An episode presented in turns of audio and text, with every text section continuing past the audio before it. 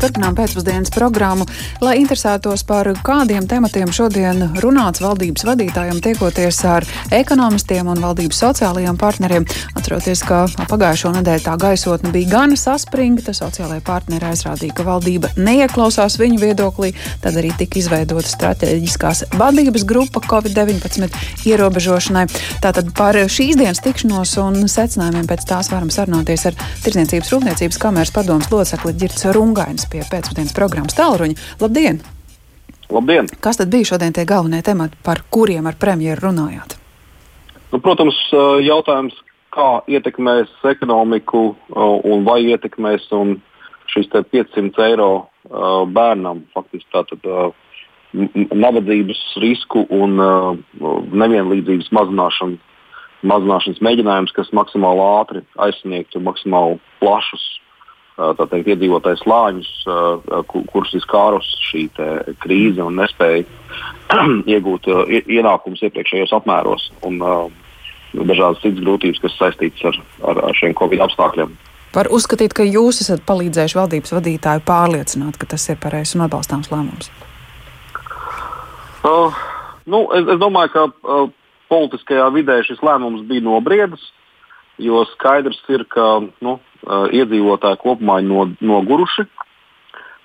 Un, ja mums pagājušā gadā šī te, Covid situācija likās salīdzinoši optimistiski lielāko daļu gada, tad šobrīd ir skaidrs, ka mums stāv priekšā vēl diezgan ilgs laiks grūtību gan uzņēmējiem, gan iedzīvotājiem. Bezdarbs lēnām kāpj uz augšu un ir daudzi desmiti un, un faktiski varbūt pat pār, līdz pāris simtiem tūkstošu iedzīvotāju darbspējīgā vecumā, kuriem ienākumi ir samazinājušies. Un daļai ir noteikti ļoti būtiski. Un, protams, mēs zinām, ka tieši jaunu, jaunās ģimenes ar bērniem, un ceļšķi, ja ir vairāki bērni, ir tās, kuras lielākoties laižošos bērnus pasaulē nokrīt zem uh, nabadzības sliekšņa. Jo vienkārši tādi nelieli ienākumi vecāku izdalās uz lielāku cilvēku skaitu. Un uh, skaidrs, ka šīm uh, ģimenēm ir ekstra grūtības. Tā kā, uh, nu, šis lēmums nav ideāls. Uh, protams, to visi ekonomisti un dalībnieki arī norādīja. Tādā ziņā, ka labāk būtu dot naudu tiem, kam viņi tiešām vajag, un tiem dot vairāk un regulārāk. Un, un tā tālāk nekā uh, tiem, kuri jau saņem varbūt augstas algas vai citu veidu ienākumus, vai kur ir, uh, varbūt, kuru apstākļi ir uzlabojušies krīzes rezultātā. Ja? Jā. Bet uh, katra tāda um, saka, sistēmas izveide aizņemtu laiku, prasītu papildus administratīvos izdevumus. Un, uh, protams, arī uh, nu, politiķi jūtīgi jūt šo noskaņojumu sabiedrībā, kurš ir uh, saka, sa, sam, samilzis tādā negatīvā izpratnē.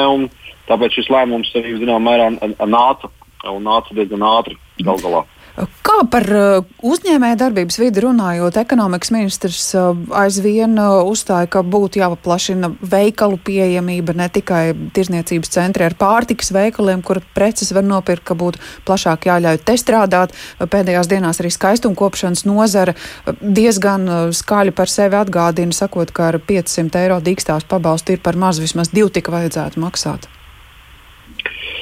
Uh, nu, valdībā notiek cīņa pēc būtības. Un droši vien varētu teikt, ka varbūt tā ir arī cīņa sabiedrībā. Jo skaidrs, ka uh, vīrusu izplatība notiek, uh, tas līme, līmenis joprojām mums ir salīdzinoši augsts. Viņš ir viens no augstākajiem Eiropas Savienībā.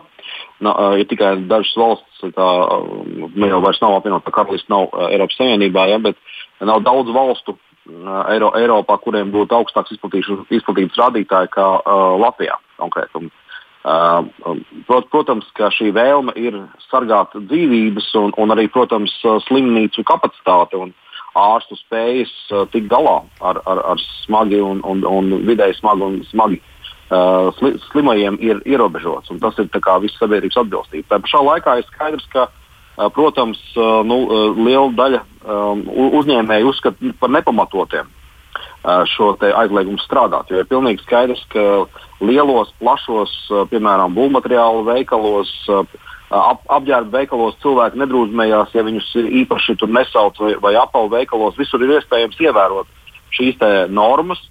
Un, tādējādi, protams, šobrīd tiek radīti zaudējumi uzņēmējiem, kas, protams, ir kā plašs tautas masas ļoti nesatrauc, bet tas attiecīgi novedīs pie šo uzņēmumu maksātnespējām, netiek maksāt tālāk uh, telpu iznomātājiem, cilvēkiem nemaksās algas, viņi kļūst par bezdarbniekiem.